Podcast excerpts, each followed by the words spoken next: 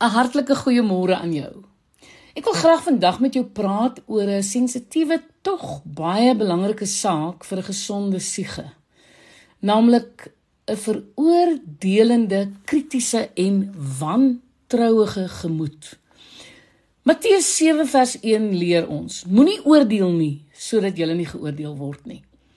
Nou dit is so dat daar baie hartseer ontstaan in mense se lewens as gevolg van veroordelende, kritiese en wantrouige houdings.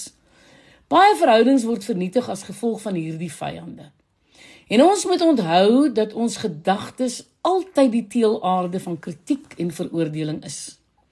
Nou wat is veroordeling? Een van die Griekse woorde wat met vonnis of oordeel vertaal word, word omskryf as om 'n uitspraak te lewer oor ander mense se foute. Dit word ook met veroordeling in verband gebring.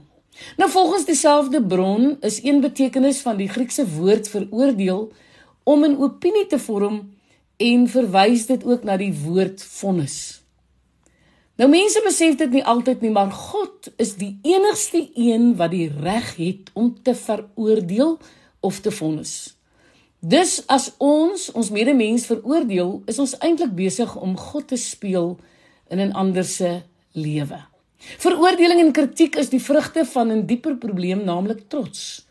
Wanneer die ek in ons lewe groter is as wat dit behoort te wees, sal dit altyd probleme veroorsaak. En die Bybel waarsku ons herhaaldelik teen verwaandheid. Ons moet regtig besef dat wanneer ons op 'n bepaalde gebied uitblink, is dit maar net omdat God ons 'n spesiale genadegawe gegee het. As ons te veel van onsself dink en vol van onsself is, laat dit ons neersien op ander mense en beskou ons hulle as minderwaardig. Jong en hierdie soort houding en denkwyse is uiters afskuwelik in die oë van God en dit maak baie deure in ons lewens oop vir die vyand. Matteus 7 vers 1 tot 6 bevat natuurlik bekende verse oor die onderwerp van veroordeling en kritiek op ander. Gaan lees gerus hierdie en baie ander soortgelyke verse in die Bybel wanneer jy probleme ondervind met jou houding op hierdie gebied. Lees hierdie gedeeltes en lees dit dan weer hardop en gebruik die vermaanings as wapen teen die duiwel wat natuurlik 'n vesting in jou gemoed probeer bou. Moenie vergeet dat daar so iets so saai en oes is nie. Om te saai en te oes het nie alleen betrekking op landboukundige en finansiële gebiede nie. Ja, dit geld ook vir die mense se gees en gedagte wêreld. Ons kan in lewenshouding saai en maai soos wat 'n boer met 'n oes of 'n belegger met sy beleggings kan doen. Baie keer oes ons in ons lewens dit wat ons vroeër in die lewe van iemand anders gesaai het. 1 Korintiërs 13 vers 7 sê die liefde bedek alles glo alles, hoop alles, verdra alles. As jou gedagte wêreld vergiftig is of wanneer die Satan vestings in jou gees gebou het, moet jou gees vernuwe word volgens God se woord. Dit word alleen gedoen deur God se woord te leer ken en daaroor te mediteer. Ja, ons moet dit bepyn, saggies vir jouself herhaal. Ons moet daaroor dink.